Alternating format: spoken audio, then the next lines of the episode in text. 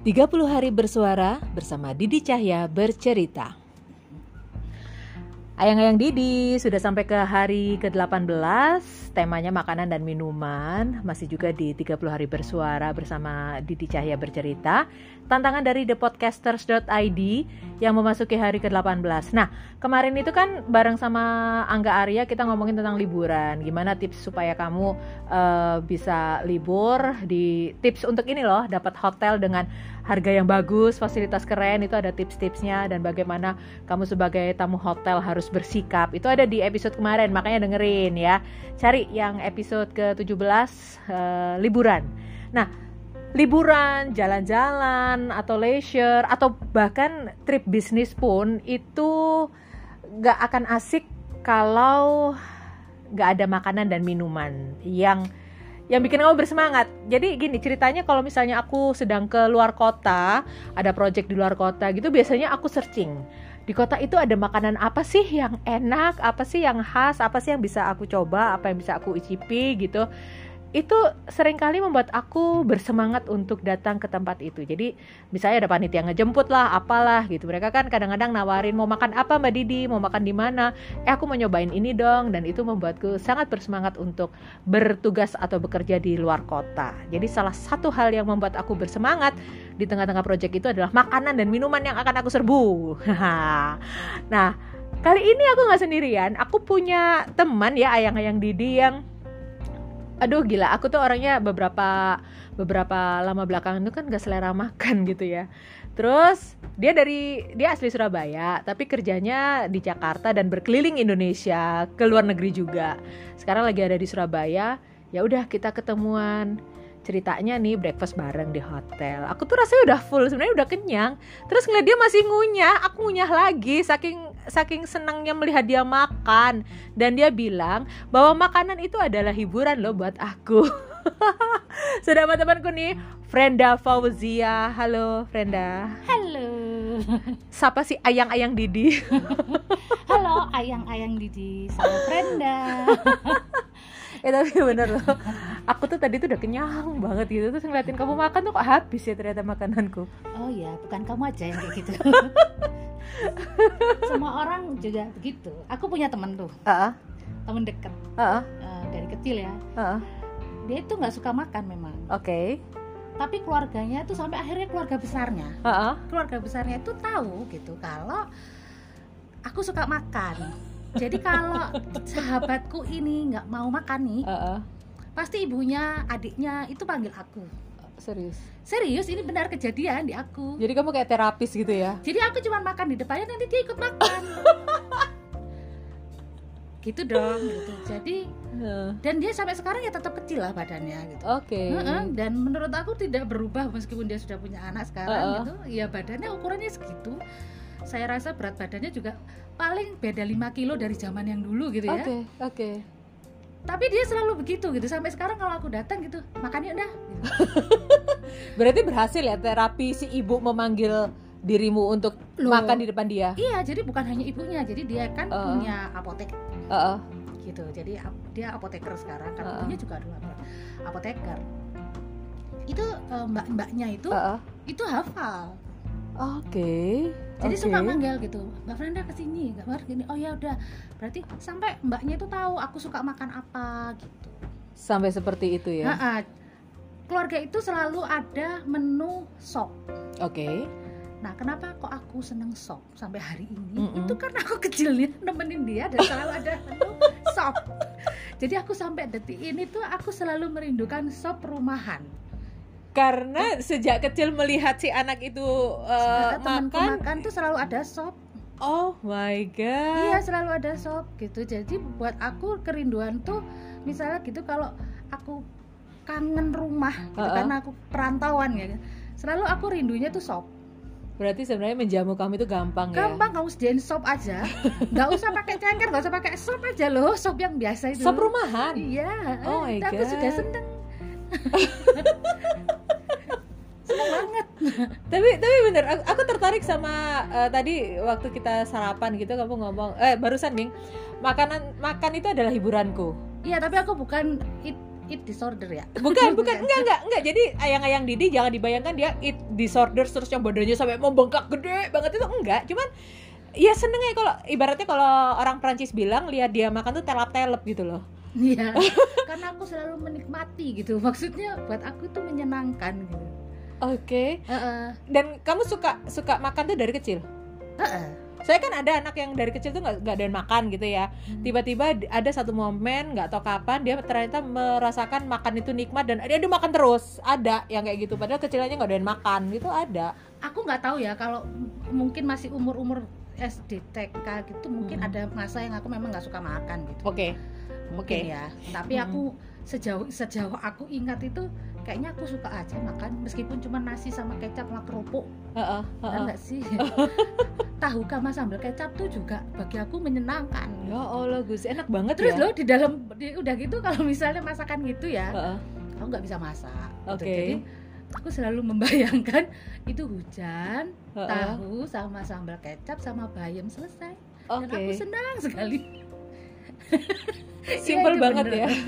Dan itu terjadi bener banget ya Allah sesimpel itu makanya bapak sama ibuku tuh seneng kalau aku pulang uh -uh. dia nggak pernah beli yang nggak pernah Masak, jajanin uh -uh, enggak uh -uh. misalnya kayak tempe bakar gitu aku uh. pasti makan oh ya ampun karena memang di Jakarta pun kamu nggak masak jadi giliran ada makanan rumahan habis hajar gitu kan. Oke. Okay. nah uh, pekerjaanmu menuntut kamu untuk keliling Indonesia bahkan ke negara-negara luar gitu ya.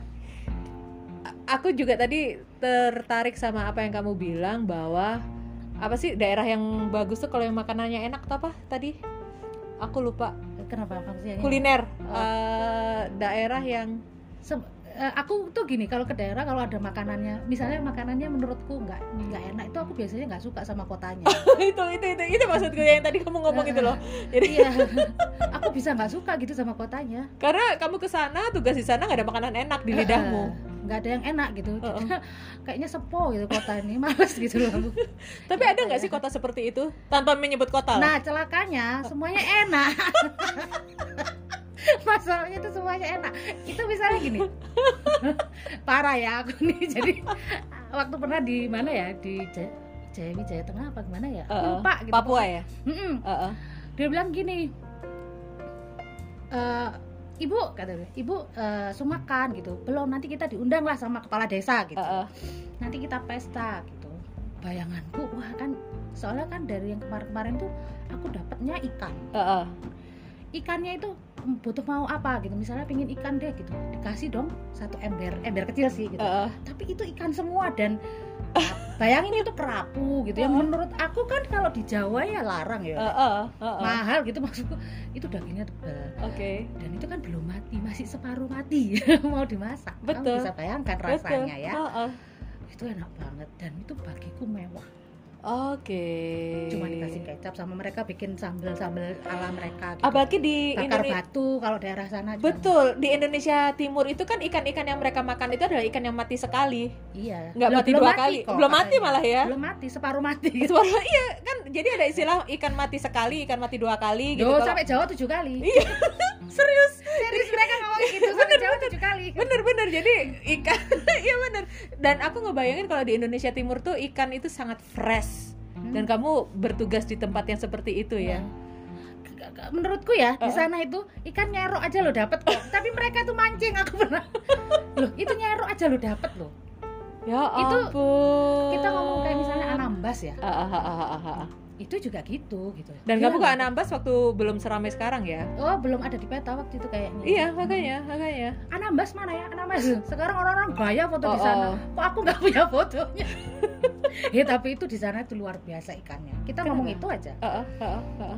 kayak misalnya Napoleon itu di sana itu kan hmm. mahal ya di sana yeah. itu dimakan hari-hari Ya ampun beruntung banget ya orang-orang kepulauan itu ya sebenarnya ya. Ikan tuna yang segitu gedenya aja harganya cuma sepuluh ribu ya kita nunggu aja dibawa sama itu loh gerobak semen tau kan? Uh, uh, uh, uh.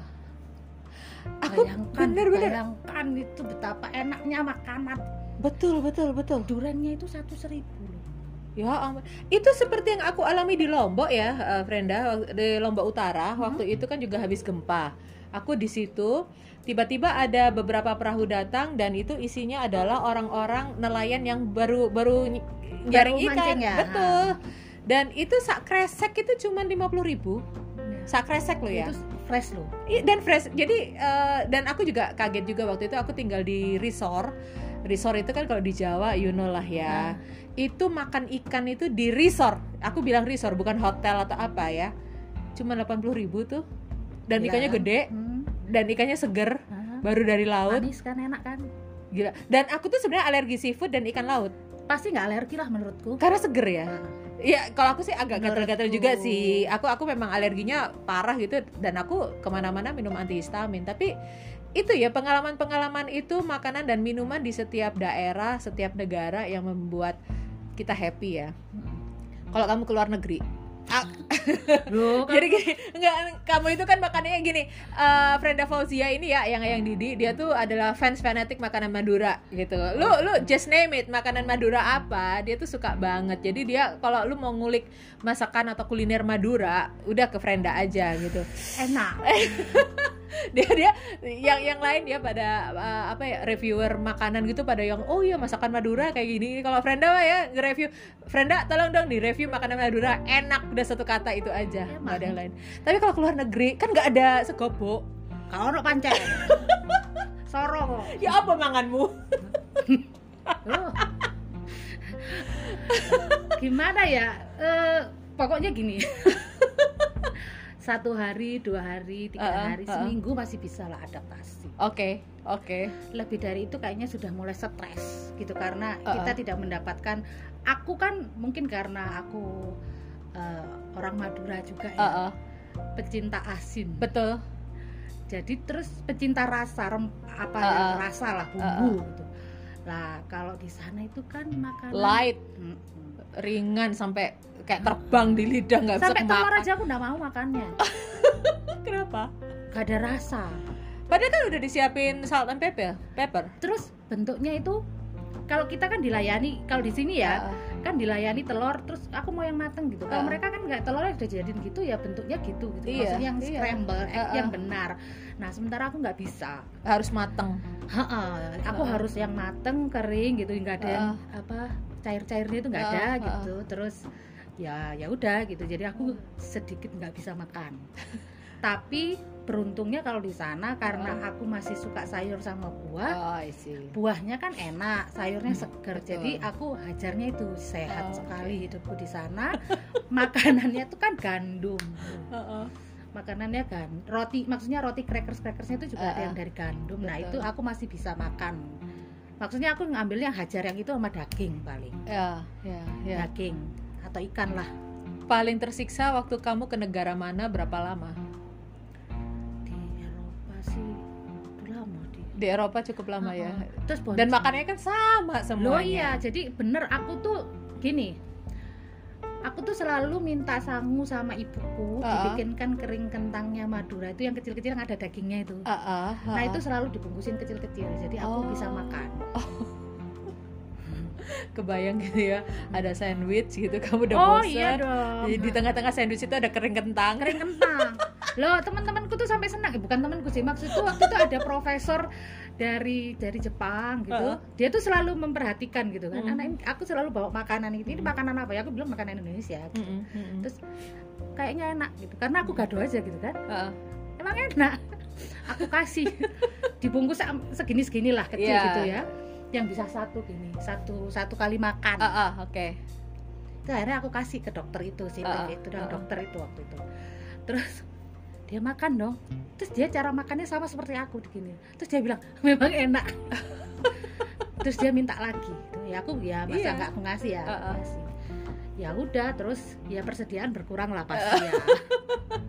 Tapi ya sudah gitu. Terus dan dia mengingatku karena makanan itu sampai hari ini itu dia. Makanan itu kan sebenarnya bisa menjadi pemersatu bangsa ya. Iya. karena uh, aku sih dengar dari cerita-cerita temanku yang di luar negeri itu bagaimana mereka potluck hmm. memperkenalkan makanan daerah masing-masing negara masing-masing gitu kan. Dan banyak yang suka dengan masakan Indonesia. Selama kita nggak goreng ikan asin sama terasi. Ya dia kan nggak seneng baunya soalnya. Yang biasa aja loh maksudnya yang biasa aja nggak usah itu tempe aja loh mereka suka. Betul betul tempe betul. aja mereka suka banget. Oke okay, dan okay. terus aku tuh nggak tahu ya kalau dari mana-mana tuh setiap sudah mau balik gitu ke sini aku selalu merindukan Indomie. Iya loh mie instan itu eh uh, ayang-ayang Didi ini kan kita lagi tapping di hotel ya. Dan kita tuh mager Surabaya tuh hujan terus. Tuh di depan tuh masih ada beberapa mie cup yang belum kebuka gitu ya. Dan uh, Indonesia memang bisa dibilang uh, mie instan dan lain-lainnya itu paling kaya. paling kaya ya. Kayak rasa udah itu Anak. bahkan ya kita sebut merek itu tadi Indomie itu sudah merajai loh untuk mie instan. Uh, seingatku sebagai maniak mie instan itu kan yang awal menguasai itu kan Nissin ya. Ya. Nissin itu itu enak banget menurutku lo mie-nya tuh aku enak. juga seneng ah, ah, aku ah, ah, sampai sekarang aku masih makan nisin ah, ah. kok. Kan udah masuk juga ke retail-retail kita gitu ya. Dari Tapi zaman dulu sudah seneng nisin. Ah, ah nisin itu enak. Mie-nya ya, mie-nya tuh udah uh, dimakan mentah aja enak. Jadi aku melihat bagaimana ekspansi makanan Indonesia ke luar negeri melalui mie instan itu luar biasa ya. Wah, misi itu kayaknya tuh kayak uh, apa ya? Aku tuh kayak sampai hack gimana. Uh. Jadi mendarat. Uh. mendarat itu misalnya aku minta dijemput gitu ya. Okay. itu tuh aku bisa marah kalau terlambat. Karena? Karena setelah keburu tutup kan tokonya oh, warungnya. iya iya iya iya ya. pokoknya aku tuh selalu mie instan sama bakso. Ya ampun aku jadi inget temenku temenku dia itu kan juga uh, pecinta traveling. Ya travelingnya kan ke gunung laut gitu. Dan kita tahu ya di Indonesia di gunung mana pun di laut mana pun selalu ada sebut merek lah ya itu selalu ada pop mie kan. Yeah. ya kan? Nah ini kan pandemi. Pandemi ini kan membuat kami nggak traveling kan. Mm-hmm. suatu hari kami tuh ada acara review di kebun raya Purwodadi oh, sini. yeah. dan tau nggak kita tuh udah makan udah udah kita potluck. Jadi uh, ada bawa ya cemilan lah bawa ini itu ini itu ini itu sampai akhirnya ada boot pop mie itu aku sama dia lihat-lihatan beli loh Padahal pop mie di situ berapa sih? 15 ribu atau berapa? Yeah. Beli loh kami saking bukan bukan pop mie-nya yang bikin kami pengen makan, tapi kenangan akan traveling, hmm. uh, abis main air, hmm. terus uh, ada makeup kayak yeah. gitu tuh kan enak. Nggak tahu ya rasanya tuh kayak kayak enak. sakau gitu ya kita. Bener, ih bener ke Bromo subuh subuh uh, uh. ya lihat matahari terbit gitu ya uh, oke okay lah itu bisa menghangatkan tapi itu baunya itu loh menurut aku tuh nggak tahu ya aku tuh nggak tahu itu kayak gimana ya kayaknya untuk menyenangkan gitu loh rasanya Betul. seperti Waduh. Terus kalau aku lagi nyebrang ke Bali hmm. naik ferry, itu kadang-kadang aku nggak makan. Terus gini, uh, uh, kenapa nggak makan? Mau makan pop mie di kapal? Iya tuh. Lo sensasinya tuh beda kan beda. menurutku sensasinya Betul. beda jadi di rumah tuh nggak nyetok tapi di luar itu kalau ngeliat tuh kayak kalap uh -uh. padahal logikanya kan nggak gitu ya, gitu loh aku sering bilang nih itu kita kita ngomong mie instan aja gitu hmm. kenapa ya mie, mie instan kalau kita beli di warung hmm. sama kita masak sendiri pasti enak di warung iya iya bener nah, bener iya. bener padahal kan harganya lebih mahal tapi bisa enak makanya aku tuh pernah loh uh -uh. sampai tak tungguin yang masak aku masuk di dapurnya. Dari jam 5 sampai jam 8 ada itu warung aku kenal. Uh -uh. saking ya sering jajan gitu uh -uh. tak tungguin loh. Cara masaknya sama beda? Sama. Aku juga bingung. Terus kenapa lebih enak? Aku sampai nanya sama bapaknya pak kok rasanya beda? Loh kamu lah lihat sendiri kata bilang kenapa sih? Atau mungkin karena pancinya nggak dicuci? Eh, eh, yo. Ya kan? Be, habis masak dituang, dituang eh, terus masak lagi, masak lagi Jadi gitu. kaldu kaldu Iya kan? Iya lo rasanya tuh. Enggak, kadang-kadang ada yang bilang iya kalau di Warmindo gitu kadang-kadang ditambahin bawang, ditambahin sawi. Iyalah, kita juga nambahin. Ada kan beberapa itu iya. masih mayonaise. Oh. Oh iya. Ditambahin mayonaise aku oh. pernah. Kalau aku aku tambahin creamer. Ya mungkin aku ya. suka pakai creamer Nah, kan itu beda-beda, tapi ada beberapa yang dia nambahinnya pakai mayones. Oh, gitu. Itu lebih enak menurutku. Aku belum kebayang sih, belum kebayang. Aku belum pernah nyoba juga gitu. Maksudku uh, kalau kita bicara mie instan di warung-warung tuh kan internet, Indomie telur kornet apa-apa dan aku juga bikin di rumah, tapi tetap aja enak di warung. Iya, lo aku aku sendiri ya Kesel aku. Kan lebih mahal jatuhnya. Iya kan, kalau yang biasa aja sembilan ribu kan kalau kita bikin sendiri mungkin nggak sampai segitu. Kornetnya bisa buat tiga hari. Nah, makanya kita tiga hari makan mie instan kan? Ya itu dia. Nah uh, berarti giliran yang kamu habis dari luar negeri habis dari jalan-jalan makanan yang kamu tagih itu adalah dua uh, itu apa namanya? Bakso bakso sama, mie instan. mie instan. Nah kalau minuman. Aku aku mau nanya yang luar negeri deh. Kan apa namanya?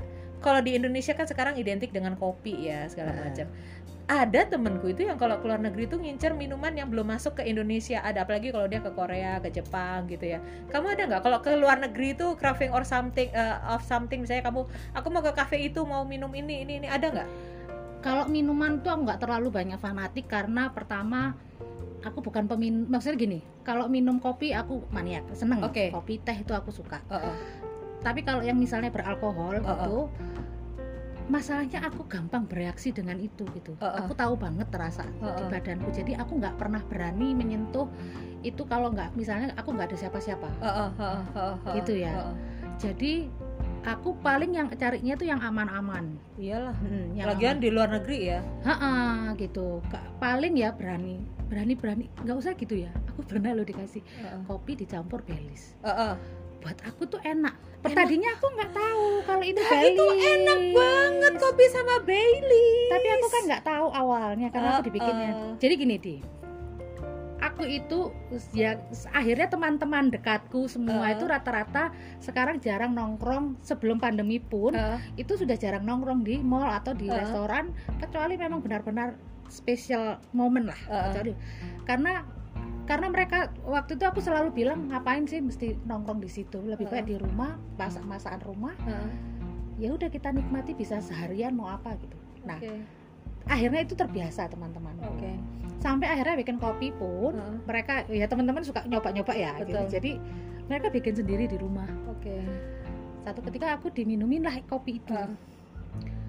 nah aku tuh kan kalau merasa sesuatu yang baru dan menurutku enak aku tuh bisa tambah bolak-balik oke okay deh enak ya ini hmm. terus temanku tuh nggak ngasih tahu kalau itu campurannya apa enak tanda iya enak gitu. aku lagi ya gitu. terus aku nggak bisa tidur Justru nggak bisa tidur? Nggak bisa tidur. Aku kuat jadi kayak minum extra jus. Serius? Sumpah. Aku kalau habis minum alkohol itu malah ngantuk, tidur, nyenyak. Loh, aku melek, melek, melek, melek, melek. Bukan karena kopinya? Aku makanya ini aku sebenarnya kopinya atau? Sebenarnya aku nggak nggak kopi itu nggak ada urusan sama ngantuk apa enggak. Oke. Okay. Aku kalau misalnya kopi ya. Aku kan pelor tahu sendiri belum apa apa sudah hilang lah iya, aku kalau ngobrol sama Freda di hotel gitu ya lagi Kaki ngobrol lurus. dia kalau udah posisi enak gitu udah gak usah diajak ngobrol deh daripada nanti aku ngomong dia nggak nggak nyautin tau ya udah berangkat iya, aja dia kaki tidur. lurus tidur sudah gitu ya. Oke biarkan dirimu angkat telepon aja dulu nggak apa-apa santai. Jadi uh, ini ini sesuatu yang baru juga nih kok kopi sama Baileys tuh enak banget. Dan kalau aku dulu gitu sekarang aku alkohol kayaknya udah males kayak minum karbol gitu kan. Asli aku aku juga nggak senang soalnya pahit. Ya Allah pahit. Jadi aku uh, Black Russian itu pernah vodka Coca Cola sama apa ya temanku yang nyampurin itu ya udah tepar aja gitu aku tidur jadi ada yang reaksinya ngoceh, ada yang ah, reaksinya iya. hiperaktif, iya, ada yang diem, ada yang uh, ada yang diem, nggak tidur, nggak ngapain diem aja kayak patung. Aku tidur gitu loh. Tapi tapi kata teman-temanku sih sebelum tidur emang aneh-aneh juga. Cuman kan ya itu tadi kenapa kita nggak boleh minum alkohol karena lu lu lu bakalan gila gendeng gendeng kan kan ngombe alkohol itu gendeng reaksinya gendeng. Jadi ya ya ya sudah nggak ada yang perlu dinikmatin lagi dari situ. Tapi memang bener ya ndak ya kalau kita jalan-jalan ke mana pun itu kuliner entah makanan atau minuman itu sesuatu yang kita cari. Yeah. ada nggak kuliner satu daerah selain yang tadi di Indonesia Timur yang ikan-ikan yang seger dan enak itu kuliner di satu daerah yang membuat kamu ingin balik lagi ke situ lagi balik lagi ke situ lagi balik lagi ke situ lagi? Makanan dan minuman di daerah mana itu yang paling. Yang yang ya tertancap di kepala. Yang misalnya tiba-tiba aku pengen ini deh makan makan sate padang di situ deh. Atau apalah. Anambas. Anambas apa sih istimewanya? Kok kamu kayaknya terkesan banget sama makanan di sana? Suka. Kenapa? Uh, mie mie misalnya aku makan kue ikannya bukan ayam tapi ikan. Nah, maksudnya oh, lauknya itu ikan. okay. terus misal makan ya Indonesia apa namanya Sumatera ke sana yeah. itu kan uh, ya hampir ya hampir sama lah ya sampai mm -hmm. sampai Malaysia sampai mana mm -hmm. itu hampir sama tapi kalau di Anambas tuh segala sesuatunya itu ikan. Gitu. Oke. Okay. Uh, jadi uh, dagingnya itu loh misalnya uh, uh, itu uh, uh, ikan. Gitu. Oke, okay, toppingnya itu toppingnya ikan. Gitu ya? ikan. Ya? Anambas. Anambas. Oke. Okay. Terus entah ya aku tuh suka banget di situ. Mm -hmm. Rasanya aku kalau disuruh tinggal di sana juga mau lah gitu. betah ya nggak tahu aku seneng banget padahal ya sebenarnya akses ke sana masih susah ya okay. masih susah dan mahal uh, mahal transportasinya oke okay. uh, okay. tapi buat aku aku selalu pingin kembali ke sana oke okay. dari mulai kedai kopinya hmm. gitu yang jam 5 pagi jajanannya semuanya oke okay. suka tapi bener nggak sih bahwa traveling itu bukanlah satu aktivitas yang yang tepat untuk picky eater? Orang yang pemilih makanan. Menurutku iya. Dan itu menyulitkan loh. Aku ya. pernah ketemu sama orang yang dia dari Sumatera Barat dia tidak bisa makan kalau bukan nasi padang. Ya susah. Jadi harus nyari nasi padang terus. Untungnya orang Padang di mana-mana buka warung. Iya, coba ada kan. Coba lu ke luar negeri, lu sekolah di luar negeri, sono noh lu cari nasi padang kalau nggak lu minta kiriman rendang terus setiap bulan. Tapi untungnya setauku ya setauku ya beberapa itu pasti ada orang Padang di sana dan bisa meskipun bukan orang Padang tapi dia bisa masak masak itu. Okay. dan mereka rata-rata uh, kan misalnya kayak di KPRI gitu kan mereka pasti punya komunitas itu. Betul betul. Tapi pasti bisa pasti ada. Dan nasi padang tuh jadi andalan juga di Eh, saat aku di Bali hmm. itu kan kita nggak ngerti nih ya mana, mana yang halal haram. mana haram gitu. Ya udah nasi padang aja lagi. Iya. apalagi di ini uh, waktu aku kemarin ke Lembongan. Uh. Lembongan itu kan juga bener-bener kalau di Denpasar Kuta itu kan banyak warung Banyuwangi warung Jawa Lamongan itu kan banyak. Eh Lamongan nggak ada. Uh, warung Banyuwangi sama warung-warung Malang lah apa. Tapi giliran di Lembongan bingung dong kita hmm, gitu. iya. nggak ada warung Jawa nggak ada warung Banyuwangi. Ya udah nasi padang lagi nasi padang lagi. Iya, iya itu paling gampang dan sudah pasti halal lah oh, gitu kan? betul betul. Terus por, untuk beberapa orang harganya jadi lebih murah karena pertama porsinya luar biasa. Betul. Jadi kalau kita memang nyari kenyang ya betul. memang dan awet. brand itu luar biasa gitu. Betul even betul. misalnya nasi padang itu nggak usah pakai lauk ya. Uh, uh, kuahnya aja. aja dikasih sama kerupuk atau apa sudah enak loh. Oke okay, oke. Okay. gitu ya. Jadi kita nggak usah pakai ikan aja gitu betul bumbunya betul. tok loh okay. udah enak gitu jadi ya menurut aku itu kalau orang yang nggak suka makan uh -uh. atau pemilih uh -uh. gitu ya agak menyulitkan temannya betul betul mm -hmm. betul kalau aku biasanya memang yang mau berpartner gitu mau saya hmm. pergi gitu mesti aku ngomong kamu bisa ini nggak bisa ini nggak bisa hmm. ini maksudnya kalau rewel juga kan kita susah iya termasuk aku itu adalah aku tidak rewel makanan tapi badanku yang rewel hmm. jadi nggak bisa makan seafood nggak bisa makan apa kejadian di Bangkok dong gitu waktu aku keliling di sana itu kan serangga segala macam ya, itu kan iya. itu kan high protein banget uh -uh. aku tahu diri aku nggak ngicipin kalaupun aku mau ngicipin aku sudah siap antihistamin dosis tinggi gitu ya dan itu tapi waktu itu nggak bawa antihistamin jadi ternyata partnerku traveling dia ngicipi serangga-serangga itu dan dia alergi. Malam itu juga dia gatal-gatal bentolan. Padahal reaksi alergi itu kalau misalnya sampai ke saluran pernafasan tuh ngeri loh. Bisa yeah. nafas terhenti karena tertutup. Mm -hmm. yang terjadi adalah malam itu dia cari apotek 24 jam dan semuanya itu nggak ada yang bisa bahasa Inggris. Bahasanya mm -hmm. tulisannya tulisan Thailand, Thailand. kayak gitu dan aku ya memang akhirnya dapet sih ya. Cuman aku Oh ya ini pelajaran juga buat kita yang sering traveling, kita tahu kondisi badan kita iya. dan kita harus bisa mengantisipasi ya. Betul. Karena itu luar negeri loh, Bo. Iya, kalau uh, itu harus benar-benar dipersiapkan lah menurutku. Aku agak rewel kalau masalah itu karena aku sendiri uh. juga orangnya nggak sehat-sehat banget lah. Iya. Punya kekurangan juga gitu. Jadi okay. aku termasuk orang yang selalu prepare untuk obat, uh-uh. terus asuransi kesehatan. Betul. Ya, selama di sana ya misalnya uh-uh. gitu. Pokoknya yang kayak gitu-gitu aku uh, apa namanya misalnya kayak alkohol apa itu uh. aku aku tahu diri gitu yeah, maksudnya yeah, enggak lah yeah, gitu yeah. lebih baik aku minum air putih daripada aku kenapa kenapa oke okay. Oke, okay. nah ini kan kita bukan nggak nggak terlalu picky eater ya. Jadi kalau keliling ke mana-kemana itu kan gampang mm -hmm. makan ya. Dan kita sudah punya pengalaman dengan orang-orang yang picky eater atau yang bermasalah dengan makanan. Mm -hmm. Tips dong deh, uh, as a closing gitu uh, apa ya? Tips untuk orang-orang yang sering traveling. Mm -hmm uh, apalagi kayak kita muslim hmm. ya kita traveling a lot gitu. Tips untuk bisa makan dan minum dengan aman dan nyaman ke luar negeri atau daerah-daerah yang mungkin kita agak sulit untuk mendapatkan makanan yang halal apa tipsmu? Korea Jepang? Sekarang banyak. Sekarang banyak. Ba dulu banyak. tapi dulu waktu kamu ke sana sudah banyak?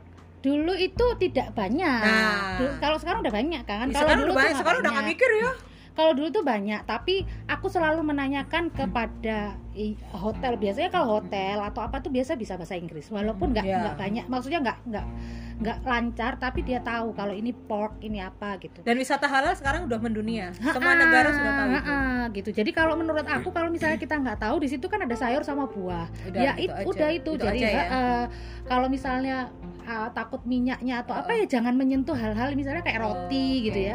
kita ya nggak usah kalau kita misalnya gini uh, apa apa gelatin ya. Uh, uh, misalnya iya, untuk iya, roti iya, dan lain-lain gitu. Uh, gitu kan. Kalau kita tahu itu misalnya memang itu mungkin kita ragu-ragu ya nggak jangan dimakan lebih baik. Menurutku hmm. itu lebih baik makan sayur sama buah. Kalau di sana di sana tuh buah itu enak banget dan iya, gede-gede. murah dan manis. Murah dan manis gitu. Betul, betul. gitu jadi menurutku ya ambil yang aman. Jadi misalnya oh ini ayam ya udah ayam gitu. Okay. kalau misalnya uh, ada beberapa orang yang harus menanyakan dia motongnya gimana gimana. Uh, ya udah bisa uh, bisa ditanyakan ke bisa mereka bisa uh. mereka nanya bisa dan sekarang udah gampang banget mereka udah paham kok. Iya iya. Ha -ha, jadi karena wisata apa. halal itu sekarang juga sudah mendunia. Negara-negara wisata itu juga sudah tahu kok bahwa uh, Muslim itu adalah pasar potensial mereka Betul. juga. Betul. Jadi mereka mempelajari itu dan mendalami itu gitu. Kalau hmm. mau ya bawa abon atau apa bahkan kalau nggak salah kemarin di Ubud itu waktu aku ke Ubud itu orang-orang bule itu memang lebih banyak mencari daging daging-daging yang disembeli dengan metode halal. Iya, karena kan secara kesehatan memang sudah benar. Iya, betul. Memang benar banget. Uh, uh, gitu. Jadi jadi sudah ada tren ke sana terlepas dari apa agamamu, tapi memang itu cara yang mereka karena darahnya udah keluar semua, bakteri-bakteri keluar hmm. semua. Iya, iya. Betul. Mereka mempelajari itu dan mereka ini memilih itu. Iya kok. Jadi uh, mereka sekarang udah banyak kok kita bisa nanya, nanya hmm. aja gitu. Kalau misalnya kita ragu-ragu ya sudah nggak usah dan tips untuk kalian yang sering keluar negeri dan takut terkena makanan yang tidak halal, banyak-banyak bawa mie gelas. Oh iya, itu aku banget. Tahu gak sih? Jadi semalam aku jemput dia di lift gitu ya. Dia uh, udah yuk kita uh, makan di atas aja nih banyak banyak mie cup, nggak ada mie gelas. udah ada mie cup yang lebih enak lebih banyak gitu, nggak ada mie gelas. enak mie gelas loh. Alah, tapi tadi malam kamu nyoba mie sedap itu juga enak kan? Iya Kan aku enak sama enak sekali. ya benar, benar, benar. Pecinta makanan itu tidak ada yang mengatakan makanan tidak enak. Uh -uh. Yang ada adalah enak dan enak sekali. Oh iya, aku tuh tuh inget banget dulu sahabatku sekarang sekarang dia jadi suster uh -uh. dia tuh dulu gini mbak kamu itu kenapa sih nggak bisa kalau misalnya kena makanan yang manis gitu uh -uh. kamu tuh asin banget sih uh -uh. terus iya aku nggak bisa gitu terus dia ngingetin ini Indonesia makanannya tuh banyak jadi kamu harus oh. bisa menerima rasa original oh, okay. berapa puluh tahun yang lalu lah kira-kira dia pernah ngomong itu okay. dan itu sampai hari ini tak bawa jadi lidah kita juga harus apa ya berkompromi dengan makanan berkompromi daerah. dengan makanan itu jadi kamu ya. harus tahu rasa original itu kayak apa jadi kamu Betul. harus bisa menerima makanan semua makanan nah Betul. itu yang tak bawa itu yang kamu bawa dan aku sebagai penjual makanan itu hmm. agak ribet hmm. karena ada salah satu customerku itu orang Madura seperti kamu yang dia request pokoknya asin loh mbak jadi dia itu yang aku bungkus paling akhir dan aku kasih garam lebih iya, iya memang orang Madura senengnya asin ya ya gimana lagi uh-uh. eh lu mbak aku Maduro aku kayak ono yang asin mate nak sementara aku sudah lama mengurangi garam gitu kan iya iya betul betul oke okay. orang Madura suka asin Aduh, sebenarnya ya ayang-ayang Didi kalau kita mau ngobrolin makanan sama Frenda Fauzia ini sampai besok nggak kelar-kelar. Cuman masalahnya itu cemilan masih banyak loh kita. Apa iya. kita mau ngambil lagi? Tapi Boleh. kita juga sudah harus check out ya Allah apa extend menarik. Menarik gitu ya. Tapi ya seperti yang tadi dia sampaikan bahwa kalau kita ke luar negeri sekarang lebih lebih nyaman karena sudah banyak negara-negara yang uh, sadar bahwa kehalalan itu sudah menjadi satu daya tarik tersendiri untuk menarik Betul. wisatawan dan pebisnis. Sekarang banyak aplikasi yang bisa menyediakan oh makanan halal oh, di mana? oke okay. lebih mudah. Uh, aplikasi Safe Travel itu yang punyanya uh, Kemenlu-nya kita ya. itu dia ada. Ada ya? Ada, ada ya? Oke. Okay. Gimana gimana jadi lebih baik mungkin teman teman-teman searching lebih mudah Oke, okay. uh, kalau misalnya masih ragu-ragu, yaitu tadi sayur dan buah deh. Kalau masih ragu-ragu lagi segala macam. Oh Indomie. yang cup-cup atau kalau misalnya mau yang praktis, aku jadi inget sih siapa sih itu namanya Nagita Slavina yang ke mana-mana bawa uh, paper cup. Iya itu. Ah, itu uh, jadi uh, uh, paper cup untuk ya memang nggak nggak ramah lingkungan sih. Cuman ya itu bawa mie gelas sama itu gimana ya lu puasa sama sama di luar hotel kalau kamu atau bawa termos atau apa gitu. Tapi ribet ya kayaknya ya. Ya eh, tapi pasti kan gini kalau kamu jalan-jalan di luar menurutku uh, selalu tasnya lebih besar betul lah betul uh. betul. Ya pokoknya selalu ada cara untuk kamu bisa makan yang nyaman di bisa tempat yang kamu tidak suka sekalipun dengan makanannya tapi ya itu masalah selera kok bukan masalah enak nggak enak. Yang yang di lidah kita mungkin kita nggak terima itu enak loh buat orang di negaranya. Jadi ya terima aja uh, kita yang menyesuaikan diri, kita yang beradaptasi, dan kita nikmati perjalanan kita. Oke, okay, thank you, Brenda. Ngomong-ngomong sejak kita dulu sampai sekarang kita nggak pernah jalan bareng ya, nggak pernah traveling bareng ya? Iya, ayo sekarang. Semoga setelah pandemi ini selesai, semuanya bisa terwujud. Anambas dia pengen balik ke sana, aku pengen ikut. Oke? Okay? Iya. thank you ayang-ayang Didi uh, untuk edisi makanan dan minuman udah tahu kan. Jadi kemarin kita ngomongin liburan, sekarang udah tahu gimana caranya kita menikmati liburan kita dengan makanan dan minuman di tempat-tempat tertentu itu dan semoga ini bisa menjadi inspirasi untuk kita semua setelah pandemi. Ayo kita jalan-jalan ya. Menikmati hidup menikmati makanan minuman dan lain-lainnya selama masih bisa kita kita nikmati. Oke okay, thank you ayang-ayang Didi. Kita ketemu lagi besok ya dengan tema aduh ini tentang tradisi. Akan akan kita kulik lagi tradisi apa yang akan kita angkat. Tetap di 30 hari bersuara bersama Didi Cahya bercerita. Dadah. Dadah